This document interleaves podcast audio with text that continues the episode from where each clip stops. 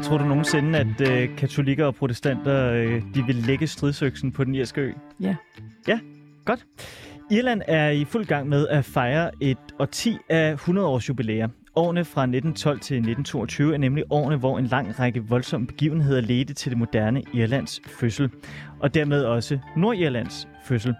På sådan et 100-års jubilæum, så er det jo nærliggende at kigge indad. Men hvad ser den irske ø, når den kigger indad og debatterer med sig selv? Er sovene mellem protestanter og katolikker helet? Hvordan skal irerne forholde sig til deres egen historie? Og er et samlet Irland en reel mulighed? Det er, hvad Frederiks værk her på 24-7 skal finde ud af nu. Mit navn det er Frederik Vestergaard.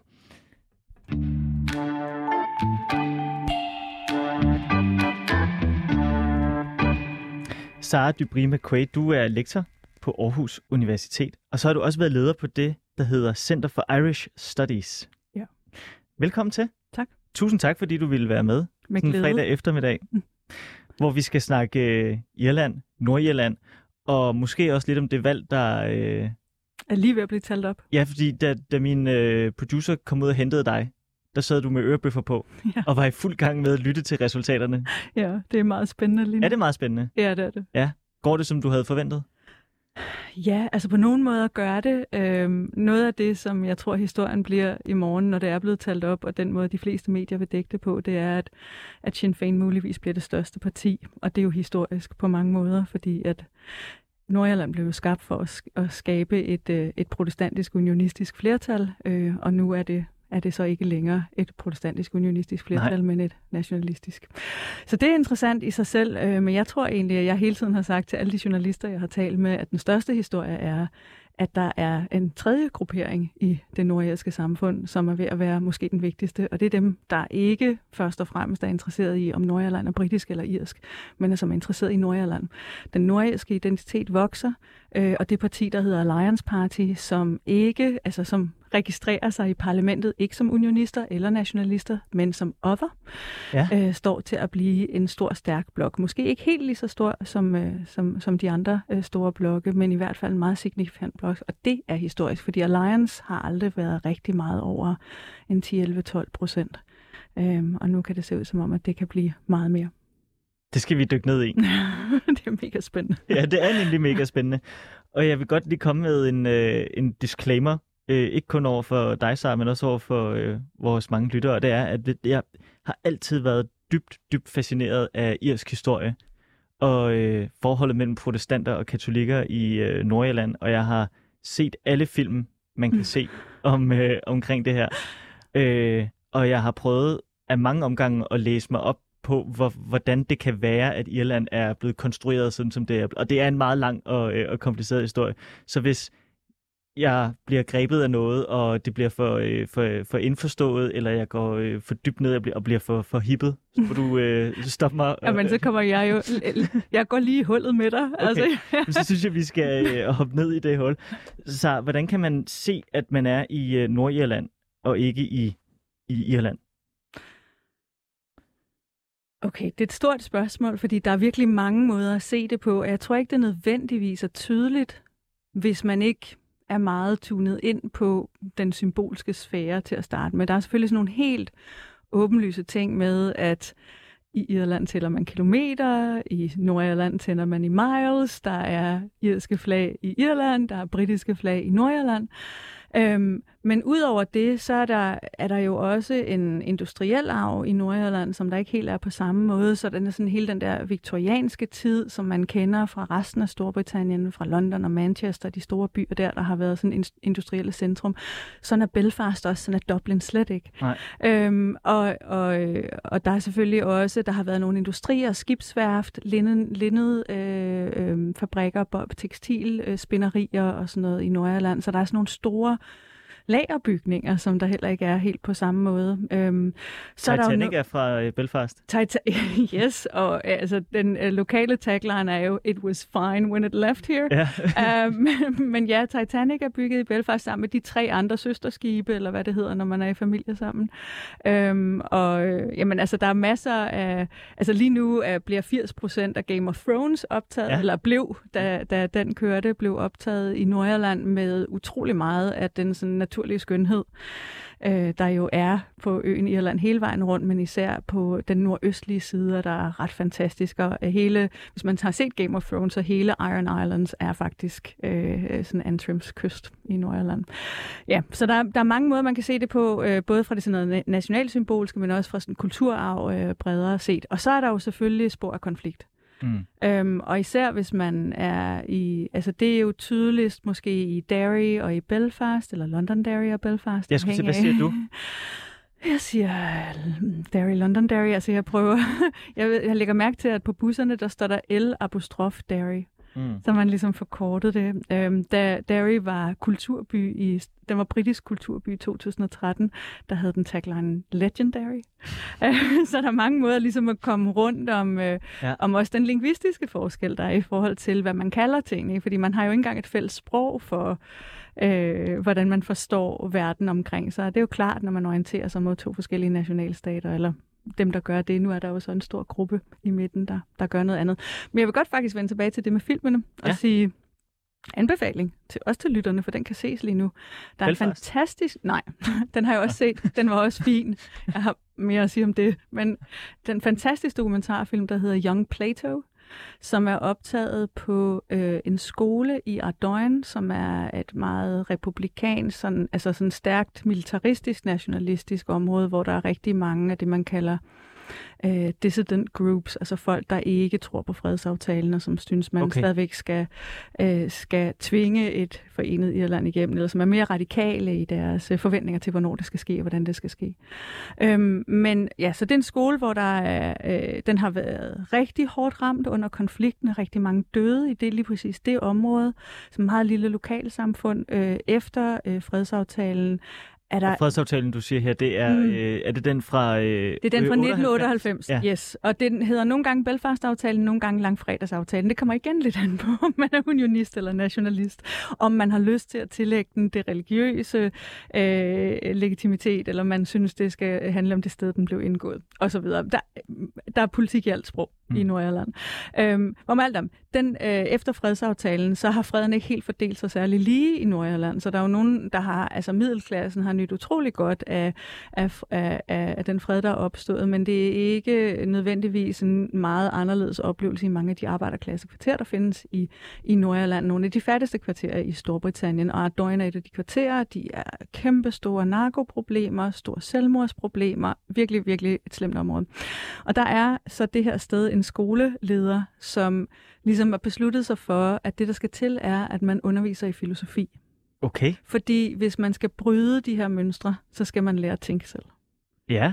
Og filmen handler så om det, basically. Ikke? Ja. Så øh, de prøver at komme sådan den voldsreaktionen, som også ligger meget dybt i det nordirske samfund. Der har jo været en voldelig ja. konflikt i 30 år. Man har løst problemer udenom systemet, som man ikke har stolet på med alternative metoder, som er lidt mere rough justice.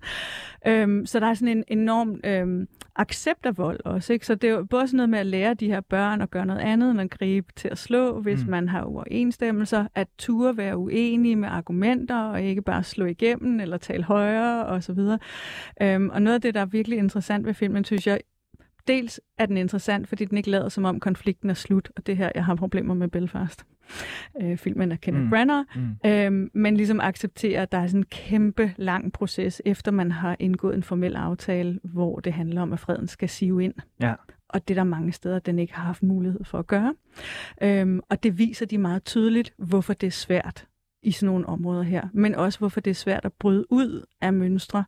Og tit, at hvis man skal bryde ud, så skal man bogstaveligt talt bryde ud ved at flytte væk fordi du kan ikke andet end at gøre, blive ved med at gøre det samme, hvis du bliver, hvor du er. Mm. Så der er sådan noget, der er en meget mere klasseperspektiv, der er meget mere øh, sådan social-kulturel perspektiv, og den er, ja, den vil jeg bare godt anbefale rigtig, rigtig varmt. Young Plato. Young Plato. Ja. Øhm, Ja, og måske bare lige få rundt af, så den her forskellen mellem den forandring, et individ kan gøre, som er den her skoleleder, kan gøre for et individ, altså den forandring, der kan ske for en person, op imod de strukturer, der bliver ved med ligesom at kaste hen mod de samme mønstre. Øh, det tænker jeg er bare rigtig vigtigt at huske på i konflikter, at det er ikke så nemt Nej. at stoppe. Og det er også de strukturer, som vi skal prøve at, øh, at blive klogere på Ja. nu, og det er jo svært. Og for at kunne forstå dem, så bliver man jo også nødt til at dykke ned i, øh, i historien. Du er selv historiker, ikke? Jo. Jo, og det er jeg også. Øh, men vi skal ikke øh, kun tale om, hvad der skete for 100 år siden, men vi bliver nødt til at nævne det. Ja. Så Sara, nu får du det mest umulige spørgsmål. Mhm. Hvorfor findes Nordjylland overhovedet? Jamen, det, det er faktisk ikke så svært. Hvis Ah, jeg må svare sådan okay. helt overfladisk på det, så kan jeg godt gøre det kort. Jamen, det må du gerne. Øh, jamen, i... Øh, ja, okay, der er lige over 100 års historie, som Ja. vi springer henover. Men øh, i slutningen af 1900-tallet, der begyndte Irland at kæmpe for selvstændighed. Ja. Og altså komme ud af union med Storbritannien og blive en, en selvstændig nation. Det fulgte jo, den tendens var der jo i mange lande, ikke? at øh, idealet ligesom var nationalstater, hvor stater og, og folk eller nationer er overensstemmende. Øh, og den bølge var Irland også med på. Men der var bare af forskellige historier, nu, kan, nu bliver det alligevel kompliceret, men der er bare en stor øh, protestantisk befolkning i Nordjylland, som i høj grad er blevet øh, er kommet til øh, under Elisabeth den Første Mm-hmm. og senere under, under Tudor-monarkiet. Øh, men så er der bare der er en stor protestantisk befolkning, som ikke var interesseret i et selvstændigt Irland, som de var bange for ville blive for tæt på Rom, altså på grund af katolicismen, ja. og, altså at man ligesom ville blive taget ud af Storbritannien og ført et andet sted hen, øh, ideologisk, religiøst osv., end man var interesseret i. Så, øh, så er der en lang selv- selv- selvstændighedskamp, som både er politisk og militant, som man, de strenge ser man jo også i den Mm. irske nationalisme i dag. Øhm, men hvor at øh, det til sidst så bliver sådan, at, at Irland bliver lovet selvstændighed på betingelse af, at Nordirland øh, forbliver i union med Storbritannien, fordi der er et stort øh, folkeligt og ret militant ønske fra unionisterne, skråstreg protestanterne, om at blive forblive i union. Så da Irland begynder at forhandle øh, selvstændighed, Omkring Så- 1920. Øhm, ja, det er før det ikke, fordi Okay. den første hjemmestyre, nej, den, den tredje hjemmestyreaftale kommer i 1912. Det er jo så Ja, en del ja. af det, man husker nu, ikke? Men der har været en i, nu skal jeg huske, at det er 1886 og uh, en mere, så det er den tredje i 1912. Så det har ligesom været en lang proces, hvor man har diskuteret hjemmestyre, faktisk også diskuteret hjemmestyre til Skotland og Wales i samme omgang. Mm. Øh, lidt ligesom man gjorde i 90'erne, da fredsaftalen så blev indgået, så fik Skotland og Wales jo også parlamentet ja. samtidig. Ja. Så det der med at prøve at tænke, at de små nationer i Storbritannien på en eller anden måde kan kan gøre det samme, er, er, er også interessant i sig selv. Nå, men så i hvert fald så ender det med, at, at Irland bliver delt, så man får selvstændighed eller hjemmestyre Ja. i, øh, i det, der så bliver de 26 grevskaber. øhm, og de sidste seks grevskaber, der udgør Nordirland, forbliver i union med Storbritannien, men får deres eget parlament samtidig, fordi så forestiller man sig, at hvis der i fremtiden skal forenes Irland, så bliver det nemmere, hvis Nordirland også har haft selvstyre, og ikke ligesom er integreret okay. I Storbritannien. Så der er, sådan, der er mange forskellige agendaer øh, på spil, øhm, men hele ideen er, i den irske nationalisme, og sådan ideen om, at Irland skal forenes, det er, at der var et flertal ved valget i 1918, der stemte på Sinn Féin som parti, som er et, et af de største partier nu i Irland, både nord og syd. Mm-hmm. Øhm, og det derfor ligesom var den demokratiske folkelige vilje, at man skulle have selvstændighed. Ja. Men så tillod Storbritannien, at det her lille mindretal, øh, det unionistiske mindretal, der sad meget hårdt på valgene i nordøst af Irland, at de ligesom kunne få lov til at veto det demokratiske flertal og få Nordirland skabt. Så det har ligesom været den sådan grundlæggende diskussion, det er det der med, hvem er det demokratiske flertal, der har ret til at afgøre fællesskabet. Det går igen i Brexit. Mm. Det går igen også i fredsaftalen, øh, hvor at man så accepterer en del af fredsaftalen, er, at man accepterer, at det er et flertal i Nordirland alene, der bestemmer, om Nordirland skal forblive union med Storbritannien eller skal forenes med Irland. Så sådan noget med, hvem det demokratiske flertal er, hvor man trækker rammerne rundt om dem, der stemmer om hvad, er jo altid enormt politisk. Men den øh, løsrivelseskrig, som leder op til etableringen af det moderne Irland i øh, 1922, der hvor den øh, afslutter, afsluttes, det er jo en enorm øh, blodig krig, og jeg var faktisk virkelig, virkelig overrasket over, øh, når jeg sådan dykkede ned i det, hvor brutale englænderne egentlig var Mm. mod øh, irerne. Mm. Og hvis man ser den film, der hedder The Wind That Shakes the Barley, Mm. så får man et virkelig godt indtryk af, hvor, øh, hvor voldsom den her krig egentlig øh, har været, og hvor øh, øh, nådesløse englænderne egentlig var. Mm. Mm. Og hvis man også skal tillade sig at, at tage parti, altså det er virkelig nogle dumme svin mod øh, irerne. Så nu her, så øh, 100 år efter, når man så begynder at kigge tilbage, vi har de her jubilæer osv., hvordan forholder man sig til, til, til den krig øh, i forbindelse med alle de her øh, øh, hvad skal man sige, fejringer, der har været? Altså, man...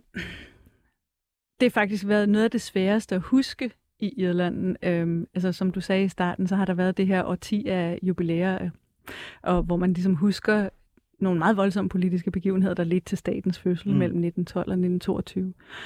Øhm, og noget af det, der har været rigtig svært at huske, har faktisk været denne her krig, øh, den anglo-irske krig mellem 1919 og 1921. Fordi resten af tiden, der har man ligesom prøvet at huske alle både dem, der døde på den ene og på den anden side, og britiske soldater, der faldt. Og, altså man har ligesom mm. prøvet og det er jo meget moderne i sådan noget rendingspolitik, at man i stedet for at øh, huske skurker og helte, så alle, bliver alle ofre i historien, og så kan vi mindes dem på okay. lige fod. Ja. Det, er meget, det er meget sådan den måde, der, der tit bliver husket i hvert fald. Ikke? Fordi så er det lidt nemmere, vi kan alle sammen forstå, at det er hårdt at miste nogen. Altså ja, ja. det der med, øh, at man måske endda ligesom afkobler folk fra den sag, de kæmpede for, for at, at ære deres minde.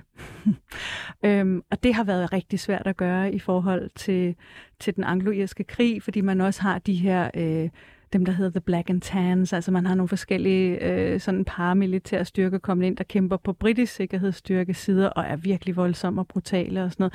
Og folk er simpelthen ikke klar til at huske dem på lige fod som nogle andre, som nogen, der døde, eller som nogen, man også kan forstå, eller nære sympati for. Eller, altså, mm. Så det har, det, har været, det har været rigtig svært som, øh, som efterfølgende leder den anglo-irske krig jo så over i en borgerkrig i Irland, fordi at den aftale, der bliver forhandlet, hvor at Irland får selvstændighed, eller de 26 grevskaber bliver den frie stat, øhm, og Nordirland øh, får selvstændighed samtidig. Det er ikke alle, der accepterer det, og så bliver der ligesom kæmpet en borgerkrig i Irland mod dem, der er for aftalen og imod aftalen.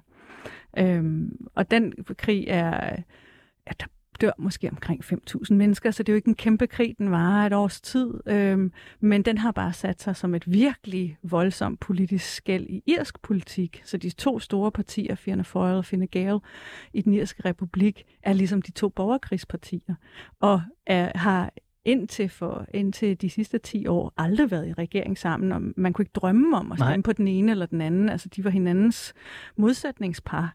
Øh, og det har skabt sådan en skør politisk kultur i Irland, fordi man ikke har haft sådan en højre-venstre akse, fordi begge de her partier er sådan nationalkonservative okay. landbrugspartier. så der er ligesom ikke, altså det er sådan en helt anden, øh, det, og det borgerkrigsskæld, det har jo så været ført igennem der. Det har jo så ikke ledt til vold gennem hele Irlands eksistens, Nej. altså siden at det blev stiftet i, eller blev skabt i 1922 på samme måde, som der har været voldelig konflikt Nej. i Nordirland senere. Men mange af de spor løber historisk.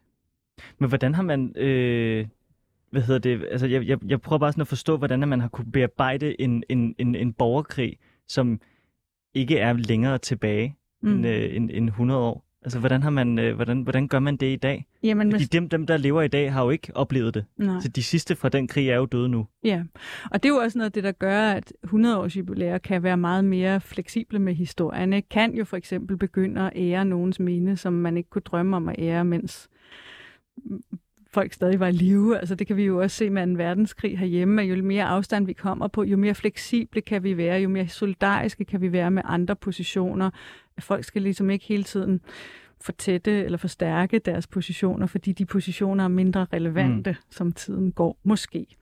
Øhm, men det er jo også meget besværligt i Irland at huske denne her periode, som er ganske vist 100 år siden, hvor man i Irland er parat til at huske det med en eller anden form for at det, som jeg kalder, eller det, som Paul Ricoeur kalder, narrativ gæstfrihed. Altså, at man både kan fortælle den ene og den anden side af historien i sit eget narrativ, så man ikke ligesom bare fortæller sådan en eksklusiv historie, der ikke inkorporerer andre standpunkter, end det man selv indtog.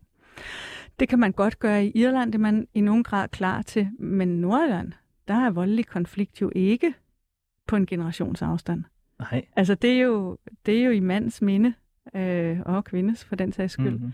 Øhm, så så der, det er en helt anden måde ligesom at skulle huske begivenhederne for 100 år siden, fordi de flettes sammen med det, der senere skete, og som har været en meget traumatiserende, meget langtrukken 30 års voldelig konflikt.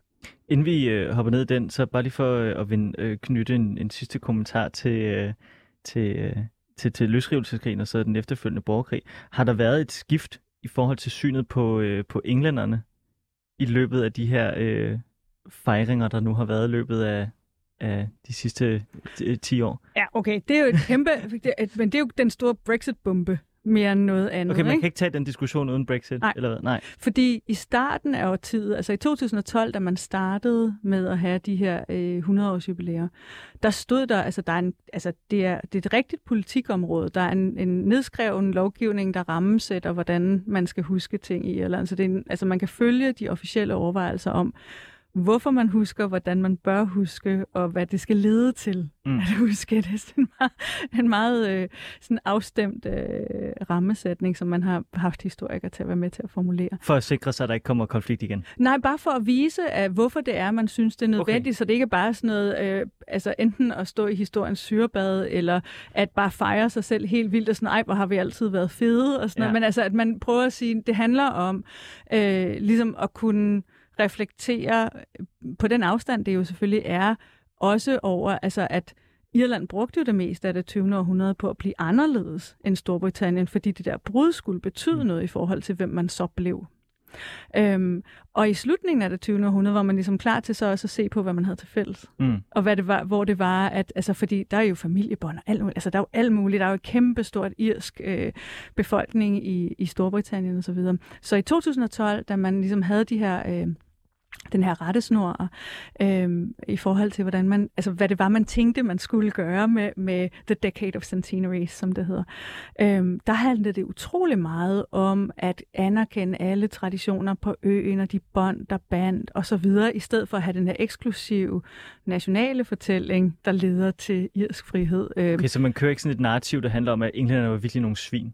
Og de troppede op i gaderne og skød børn. Og, øh... jamen, nej, jamen, det kommer man så, det er jo så det, fordi i 2012, der husker man hjemmestyre, ja, så husker ja. man Første Verdenskrig, og i forbindelse med Første Verdenskrig, der husker man så de 200.000 irer, der kæmpede på britisk side i mm. Første mm. verdenskrig, som ellers har lidt været ikke skrevet ud af historien, men de har været kørt meget ud på et sidespor, for ja. det passer jo ikke med den nationale fortælling om, nej, nej. at Irland var de første, der slid sig løs af imperiet, øh, og så fulgte Indien og andre større steder med.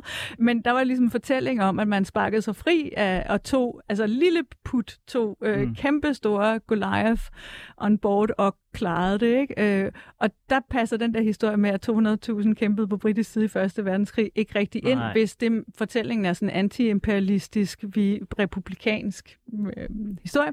Nå, som valgt de første år der op til Brexit, var utro, handlede utrolig meget om at finde de glemte historier, de gemte historier, også kvinders stemmer og så videre, som jo ikke altid er, er tydeligst i den officielle historie. Men så kom Brexit, mm. og der har været en tydelig fornemmelse i Irland af, at Storbritannien, altså at Irland hele tiden tænker på Storbritannien, og hvordan de positionerer sig i forhold til Storbritannien, og i det omfang Storbritannien tænker på at positionere sig i forhold til nogen, så er det i forhold til Frankrig eller Tyskland mm. eller noget andet. De tænker ikke et kuk over Irland. Nej. Og at Brexit ligesom var den store fede streg ja. under det faktum. Ikke? Så man siger jo altid i Irland, at irsk historie er noget, som irerne aldrig skal huske, og britterne aldrig skal glemme, men det forholder sig omvendt. Ja, okay. Øhm, og, og i Storbritannien, så havde man bare ikke tænkt over, hvad Brexit ville gøre ved Irland, Nej. ved fredsaftalen, ved, altså, fordi at hele fredsaftalen hviler på et tæt samarbejde mellem den britiske og irske regering. Man kan lave et kompromis i Nordirland ved at vise, at man ligesom har begge nationalstater involveret ombord i et kompromis. De kan begge to være med og involveret og ombord et kompromis, fordi de begge to er medlem af det europæiske samarbejde, hvor man hele tiden bevæger sig tættere mod hinanden, opløser grænser, bliver mere og mere mm. som hinanden, i stedet for at bevæge sig væk fra hinanden. Ikke? Og Brexit bevæger selvfølgelig Storbritannien væk ja. fra Irland på alle ja. mulige måder. Så efter Brexit har det været en helt anden tone. Og det, jeg fortalte før med, at det var svært at huske denne her anglo-irske krig mellem ja. 19 og 21, nu kan vi jo ikke vide, hvordan det ville have været, hvis der ikke havde været noget Brexit, men jeg er sikker på, at man havde forsøgt en, en mere forsonende tone, eller, og det gør man stadigvæk, man forsøger en forsonende tone, men befolkningen accepterer den ikke lige så meget, som de gjorde før, så der er mere modstand mod sådan en forsoningsdiskurs, end der var før, fordi folk føler, eller irerne føler, at Storbritannien bare ikke havde tænkt over, hvad det ville betyde for dem, at de forlad, forlader EU. Ja. Jeg synes også, det, når du sådan udlægger det, så lyder det som om, at det sådan er, og også i, altså nu med, med den her sådan 100 års, øh, sidste del af den her 100 års øh, fejring, tid at det lyder som sådan en gigantisk vepserede af 10 millioner forbehold, man bliver nødt til at tage sig konstant. Fordi det, det er så kompliceret et kludetæppe af af, af, af forhold og konflikter mm. og interesse øh, clashes og så videre. Kan du, kan du godt selv sådan finde hoved og hale i det? Nu ved jeg godt, du har så forsket i det. Mm. Men kan du nogle gange godt selv blive sådan rullet ind i sådan et tæppe af, af, af forvirring?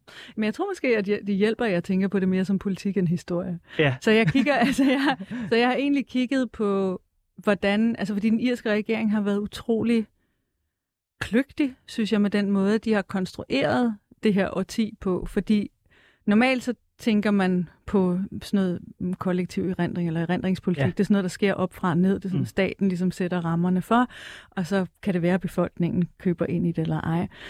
Men i, i, i det her øh, Decade of Centenaries, der har den irske regering sat en ramme, der i høj grad involverer befolkningen. Så der er ligesom sådan en statsofficiel ramme, hvor man har sådan nogle store parader og taler og sådan noget. Ikke? Øhm, så er der sådan en mere øh, historisk ramme, hvor man lægger det ud til historikerne. Altså, så er der ligesom et budget, der er skubbet ud. og så er der sådan noget civil society-ramme, øh, og så er der en kreativ ramme. Så det også handler om kulturprodukter og alt muligt andet. Og alt, hvad der sker der, det er jo armslængde. Mm. Øhm, men det betyder også, at den måde, man som borger kan deltage i sit land og i politik og stille sig i relation til staten, er jo ved at ind... Altså, der er penge til det her, ja. ikke? Øhm, det genererer, altså man er virkelig sådan mm, en, en, en sådan en rendringspolitisk fortætning, ikke? fordi alle er i gang med at huske på samme tid, på alle mulige måder i samfundet, øhm, og bruger, altså alle kan ligesom bruge den ramme til at, og, øh, der er en historisk bevidsthed altid i Irland, som er ret stærk, men de sidste 10 år har den været sådan fuldstændig gennem taget hård, ikke? fordi at alle ligesom er orienteret mod den her periode, man er orienteret mod det, man man siger, man skal fejre, man husker folk på, hvad der mangler at blive fejret, hvad med denne her gruppe, hvorfor tænker vi ikke over det her? Så er der selvfølgelig også altid sådan et pushback i forhold til, man skulle det ikke handle om nu og, mm. og, og fremtiden, og ikke bare øh, være denne her, øh, det her bagudskuende, men der blev det jo brugt som prisme til at sige, okay, da vi blev selvstændige, der havde vi nogle forestillinger om, hvorfor vi gerne ville være dem, vi synes, vi var. Ja. Og hvad vi blevet. Altså, og der må man jo sige, at Irland står jo på mange måder ligesom andre nationer efter finanskrisen i sådan en identitetskrise. Ikke? Jo. Altså, det er ikke så katolsk længere. Det har været igennem en, en, en finanskrise, hvor folk mistede tilliden til det politiske system og de økonomiske strukturer. Og, altså, så der, der er ligesom øh, der, der er fuld forandring, øh, og, og, og, og der kan man sige, der bliver det her erindringspolitik jo så også brugt til at genopfinde hvem man er, hvad man gerne vil. Og nu også øh, udenrigspolitisk, sikkerhedspolitisk, mm. når man ikke længere er i union med Storbritannien øh, under den europæiske union, mm. øh, så skal man jo ligesom orientere sig mere mod EU, mere mod USA osv. Det var øh, Irland. jeg kunne godt tænke mig, at vi kommer op til Nordirland nu. Øh, fordi, øh, som du nævner her, så har der jo været sådan rimelig godt styr på det i Irland efter øh, borgerkrigen sluttede i, øh, i 20'erne. Ikke? Øhm, men det var jo ikke det samme, der skete i, øh, i Nordirland. Alle de, når, jeg tror, hvis de fleste mennesker lukker øjnene mm-hmm. og øh, hører ordet Nordirland, så tænker de på Belfast, mur øh, og bomber. Mm. Hvornår starter alt det? Mm, ja. Ja, okay. Så den korte historie om Nordirland er jo, at det, der sker, da Nordirland bliver dannet, det er, at man øhm, har to tredjedel af befolkningen er protestanter og unionister, og en tredjedel af befolkningen er katolikker og nationalister. Her regner man slet ikke andre. Nej, det, det, nej. det er ligesom bare sådan, man gør det op. Og så følger der helt kort 50 år, hvor at det samme parti, The Ulster Unionist Party, har magten. Okay. Et parti, 50 år. Nå. Og så i efter 2. verdenskrig, så begynder der jo at udvikle sig en velfærdsstat i Storbritannien. Ja.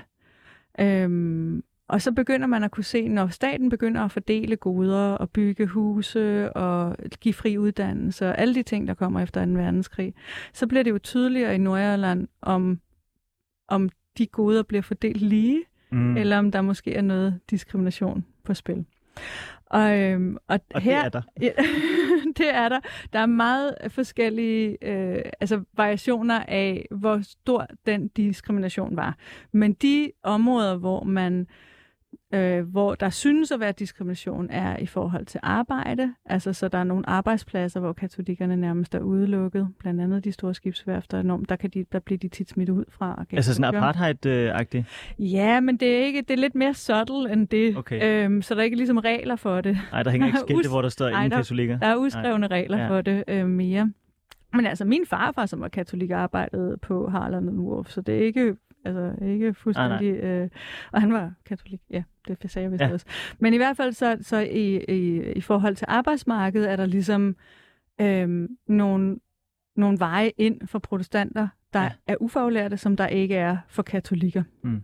Det er også en af grundene til, at katolikker tager mere uddannelse end protestanter, for der har aldrig været adgang til de der manuelle jobs, man kan lave uden at have en uddannelse. Og det Nej. er jo sådan noget af det, der også er sket nu i, i Nordjylland, er, at fordi der historisk har været det for protestanter, så har de ikke den samme øh, tradition for uddannelse. Så protestanter i Nordjylland er øh, i høj grad, øh, får ikke lige så meget øh, uddannelse, især går ud over øh, protestantiske drenge, der tager utrolig lidt uddannelse. Nå, det er en anden bombe under systemet. Øh, men, men så er det så inden for øh, øh, sådan tildeling af bolig. Inden for bolig er der diskrimination, og mm, det er helt tydeligt, at, øh, at, at det er svært også at komme til i politik. Hvis man er et konstant mindretal, så kommer man jo ligesom aldrig, altså Nej, vil nej. man altid være i opposition. Ja. Ikke? Så der er ligesom, og der er også det tydeligt, at valgkredse bliver trukket på en måde, der garanterer øh, unionistiske flertal, når der skal laves udvikling, egensudvikling og sådan noget, så er det der, hvor der bruger flest protestanter. Så for eksempel så, så får man, altså når man, da man får nummer to universitet i Nordjylland, så ligger det ikke i Derry, som er den næststørste by i Nordjylland, men som har et stort katolsk flertal, så ligger man det i Coleraine, hvor der er et protestantisk flertal, som er en lille, Ja, okay. lille bitte by. Ikke? Ja. Der er sådan nogle ting, der er enormt tydelige, både med infrastruktur og så videre, at der er noget diskrimination. Alright, jeg skal frem til volden. Øhm, kan jeg se på dig? Det er bare fordi, vi har, vi har altså Ej, 21 okay. minutter tilbage. ja, okay. Vi bevæger os langsomt, langsomt op mod nutiden. vi, er, vi har Øh. nået fire ud af potentielt set 28 spørgsmål. Alright, godt. Jamen, så fra nu af, så svarer jeg kort, fyndigt og præcist og uden øh, Men det er øh, stadig spændende. Det er filmanmeldelser. stadig, det er stadig spændende, vil jeg bare lige sige. Alright.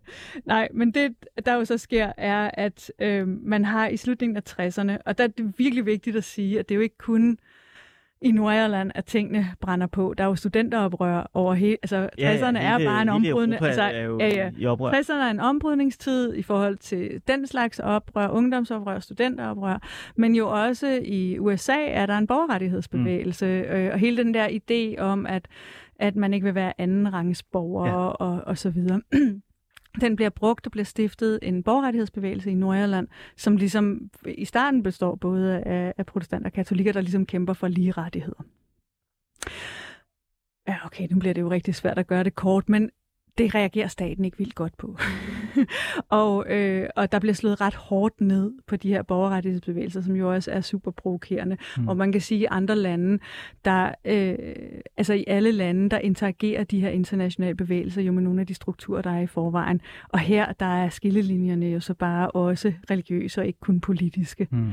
Øhm, og, øhm, og, og, og de sammenstød, der, der forekommer, gør jo så også, at de skillelinjer kommer til at stå tydeligere. Man har i 69 har man nogle frygtelige, frygtelige sammenstød, hvor at folk bliver brændt ud af gader, og altså hvis, så hvis der bor øh, katolikker i en gade, så bliver de brændt ud, så man får de her rene områder, hvad man kan sige, sådan, altså, og det er jo ikke etnisk udrensning, det er jo også et først en terminologi, man begynder at bruge i 90'erne. Ikke? Men altså, det er i hvert fald noget med, at samfundet trækker sig sammen, fordi det er både trygt, men også fordi, at man øh, skubber folk ud.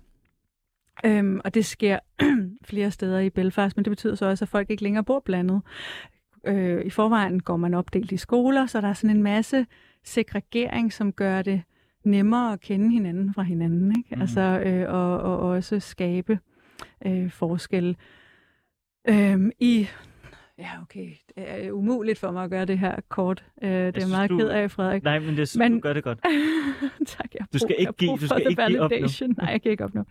Øhm, nå, men så der er ligesom sådan nogle vendepunkter i konflikten. Et stort vendepunkt er Bloody Sunday. Ja. Øhm, og det igen, der har været indført nogle, altså det hænger altid ret tæt sammen med sikkerhedspolitikken. Ikke? Der foregår nogle optøjer, der bliver slået ned med hård hånd, og i, øh, man får blandt andet indført det, der hedder internering, hvor man begynder ligesom bare at anholde, anholde folk uden at, at sigte dem og øh, opbevare dem sådan lidt på ubestemt tid. Øh, og det har igen en ret... Øh, stor slagside. Det er mm. langt de fleste af dem, der bliver interneret, af katolikker.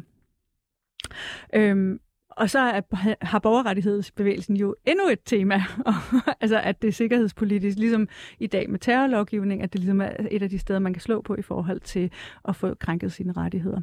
Øhm, og, øh, og der er der så en, en, en, en stor demonstration i 71, 72, øh, hvor at, øh, at den britiske her sætter en faldskærmsstyrke ind, og det ender med det, som nogle af os måske kender som Bloody Sunday, men som øh, ja, som i lang tid var sådan noget, jeg kun kunne få mine studerende til at, at vide, hvad var, hvis jeg citerede YouTube. og så kendte de sangen, men ja. ikke den begivenhed, det refererede til. Og så for nylig, da jeg var ude på et gymnasie, så sagde jeg, ja, I kender godt den der YouTube-sang, og de var sådan et YouTube. Nej, det, det, det, det, er slet ikke, det er de slet ikke uh, bevidst om. Nej, jeg skal helt klart uh, gjort noget med mine kulturelle referencer. Men anyway, så... Der er også en uh, film. Der er en film, og den er fantastisk. Ja. Det er også en af dem, jeg gerne vil... Den hedder bare 72.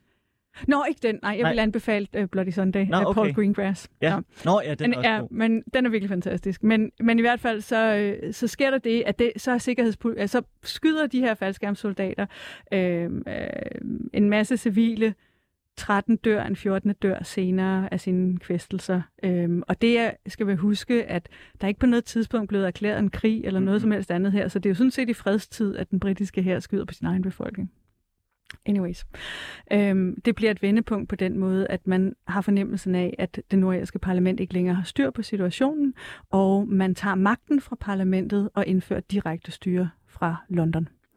Og det fortsætter så i 30 år, ja. indtil man får fredsaftalen i 98, og ligesom får en anden form for, for demokrati tilbage, som er, som er, som er, det, vi, øh, som, som er det, der er valgt til i dag. Ja, ja. Og, og nu synes jeg, vi skal bruge øh, det sidste kvarters tid på at tale øh, om, øh, om nutiden, fordi mm-hmm. nu synes jeg, øh, så jeg synes, du har fået sat rammen rigtig godt. Ej, jeg har det helt dårligt med alt det, der er udladt og alt det, der blev skævt. Ja, men, men, men, men hvad hedder det? Sådan er det. Sådan er det. Ja. Og øh, en time er ikke nok. Nej, never enough. Nej. 12 ugers kursus på uni er ikke nok. Nej, det, det, det er... Øh, ja, det er forfærdeligt, hvor lidt tid, der, øh, der er i verden. Men, men, men he, alt det, du lige har ridset op nu, ikke? Mm. set fra nutiden, mm.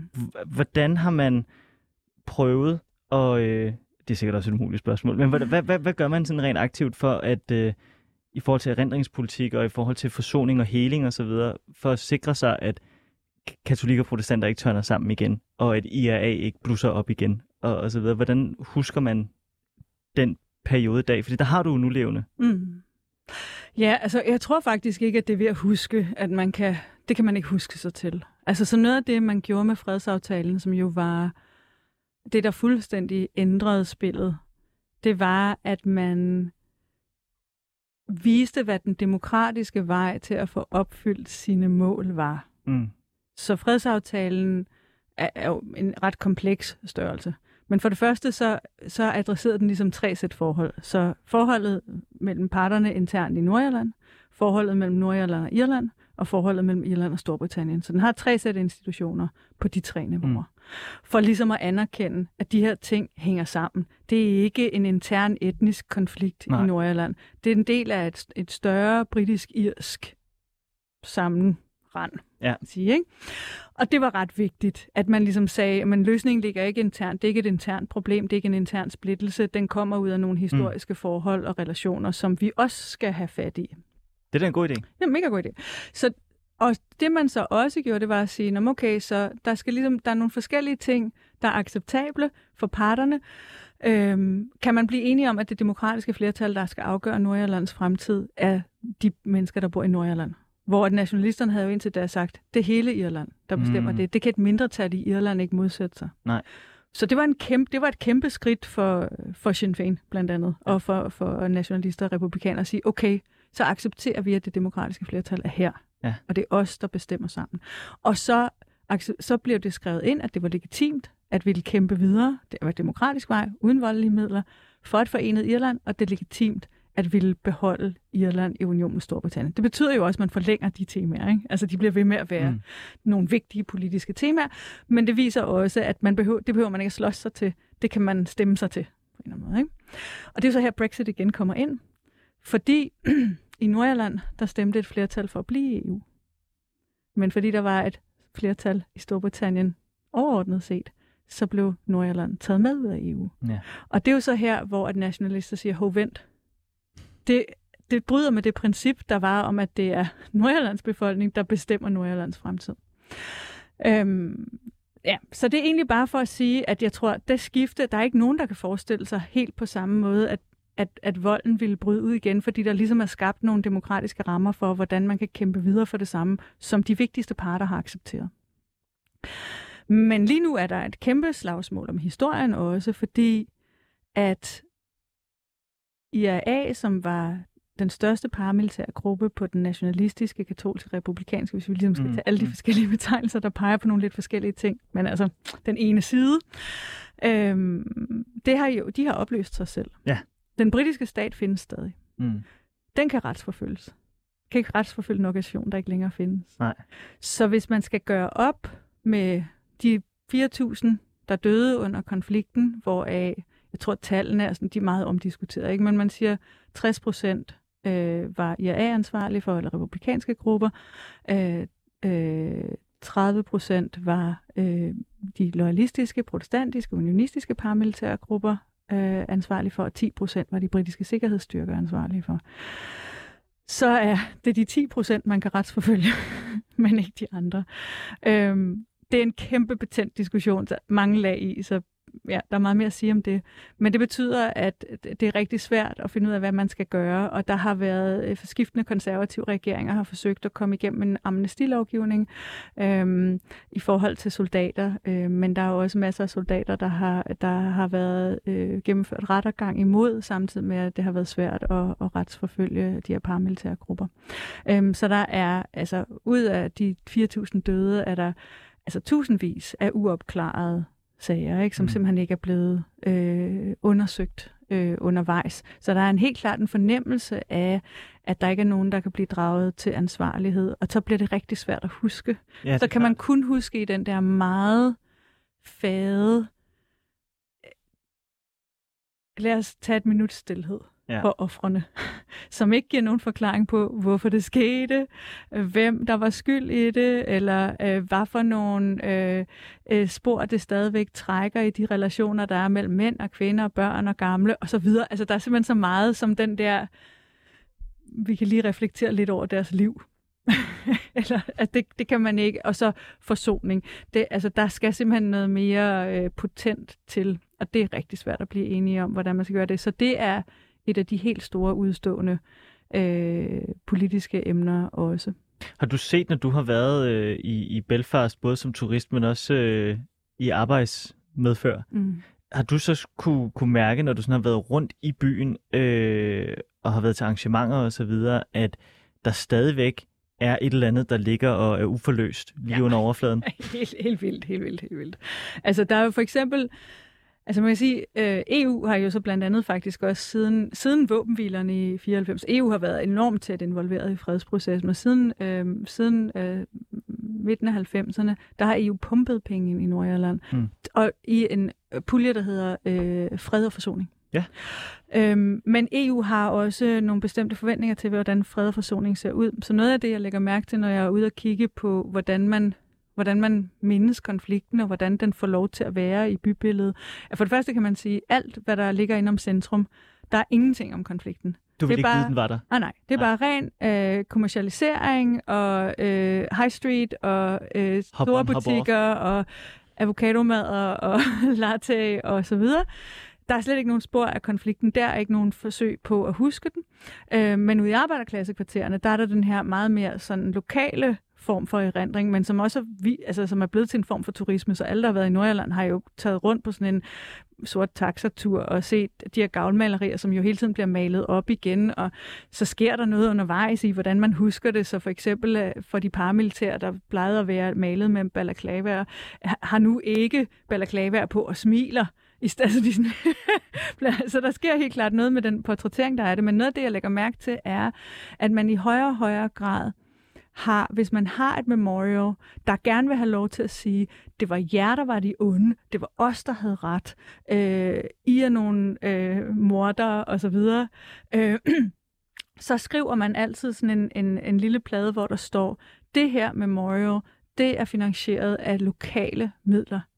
Ikke EU, ikke kommunen, ikke staten. Nå, sjovt. For, ja, og det er jo fordi, at den der måde at huske sådan imod hinanden, hvor man der ikke er nogen forsoning, den er der ikke nogen finansiering til. Den Nej. skal komme nedefra, fordi den, og, og, øh, og det tror jeg også er en reaktion på, at man ligesom prøver at være sådan tysse, tysse på de fortsatte problemer, der er, i stedet for at, øh, at anerkende dem og gøre noget ved dem.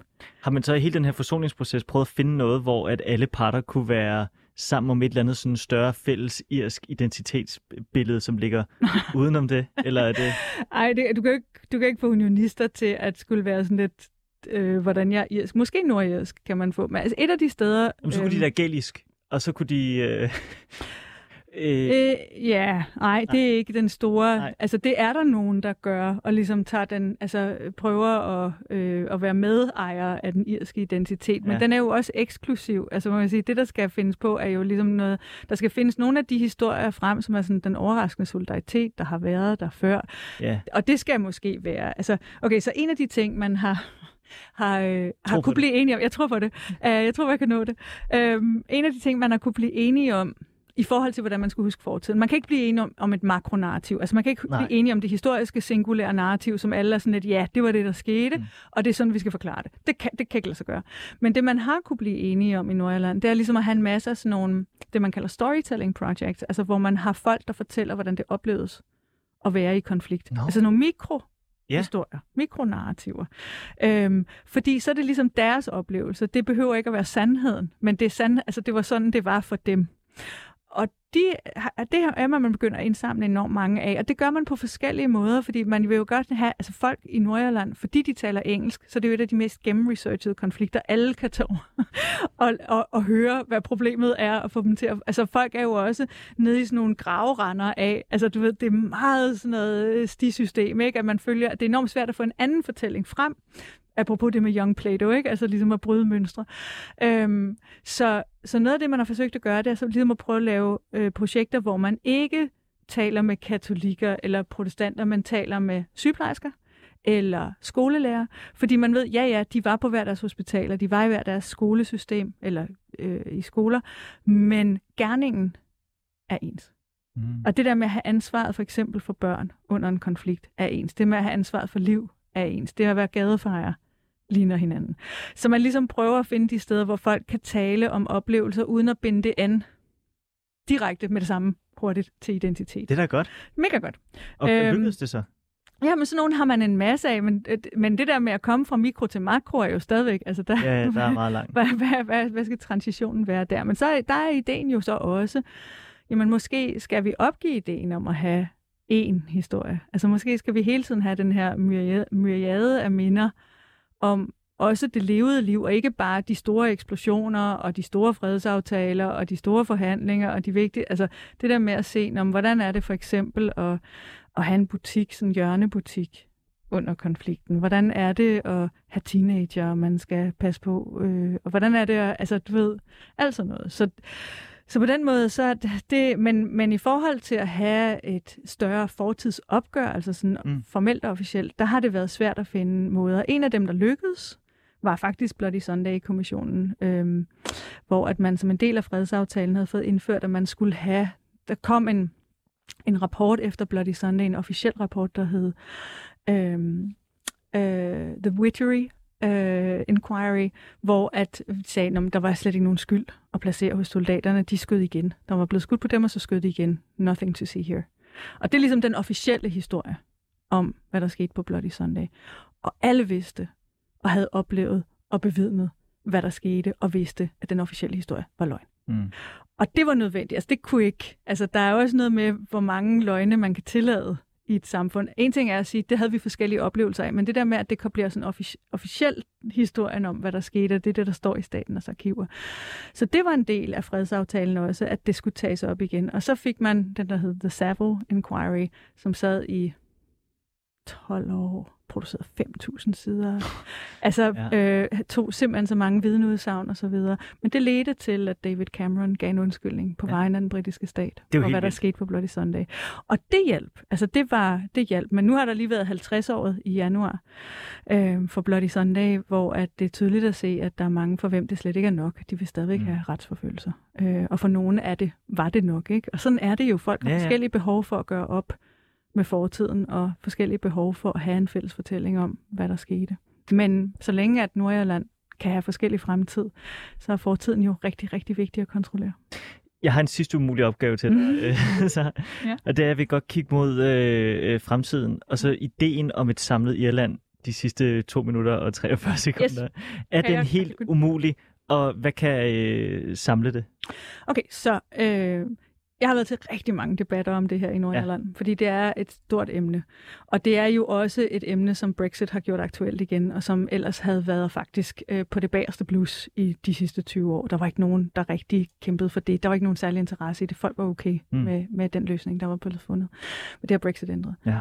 Øhm, så nu er der diskussioner, og diskussionerne går på dels, vi skal aldrig stå i en Brexit-situation, så vi skal aldrig stemme om noget, vi ikke ved, hvordan det ser ud. Vi kan ikke stemme om noget formløst. Vi skal give det form, og derfor er vi nødt til at tale om det, også selvom det er en svær samtale. Så det er den ene ting, fordi det ved man. Man, man er nødt til at sige, hvis I stemmer for et forenet eller så er det det her, I får. Ikke bare sådan noget, and then we'll work it out ja, later. Ja, prøver lige. Ja. ja. um, eller sådan noget, leave means leave, eller ja, Brexit ja. means Brexit. Men altså, der skal ligesom være, det, det skal have antaget en form. Øhm, så noget af det, som protestanter og unionister jo vil have brug for, er, at skolesystemet ikke er katolsk. At ja. sundhedssystemet ikke leveres af, af den katolske kirke. Noget af det, man kunne forestille sig, var, at man jo for eksempel, øhm, det er sådan et gammelt forslag også, at man skulle, der er fire provinser i, i, i Irland. Ulster, som Nordjylland udgør noget af, er en af dem, øh, at man ligesom skulle have en eller anden form for føderalt Irland med repræsentation øh, de fire forskellige steder. Øh, men det er jo en meget øh, levende diskussion lige nu, og hvis øh, Sinn Féin bliver det største parti, som de nok gør, øh, når, når stemmerne er talt op i dag, så er det måske ikke det første, de vil snakke om, fordi der er nogle andre mere presserende sådan brød og smør, og ikke blod og torden mm. problemer, der trænger sig på. Men, øh, men, men det er jo deres fremtidsambition, så den samtale vil de da accelerere helt sikkert. Øh, men når man ved, at det kræver alle de her kæmpe store institutionelle ændringer, og det skal den irske befolkning, som jo egentlig har været okay med bare at være 26 grevskaber de sidste siden 1922, det skal de jo også tages i ed i forhold til, hvis det ja. hele skal laves om. Så det er, det, det er et generationsperspektiv mere end et inden for de næste fem år. Sara de Brima Quaid, tusind, tusind tak, fordi du ville komme herind. Og jeg ved godt, det var en umulig opgave for dig. Jeg synes, du gjorde det godt. Det var sindssygt spændende at høre på. Jeg er glad for at høre. Og øh, hvis man sidder derude og gerne vil vide mere, så har dit øh, gamle Center for Irske Studier på Aarhus Universitet lavet en øh, både dansk og engelsk podcast ja. om øh, alt Irland, både politisk og historisk. Ja, I hvert fald der, en masse, ja. Og der er, du også, øh, der er du også med. Tusind tak, fordi du ville kigge forbi. Tak for invitationen. Det var alt for Frederiks værk i øh, den her uge. Jeg er tilbage igen på fredag klokken... Nej, det er jeg ikke. Der er stor bededag.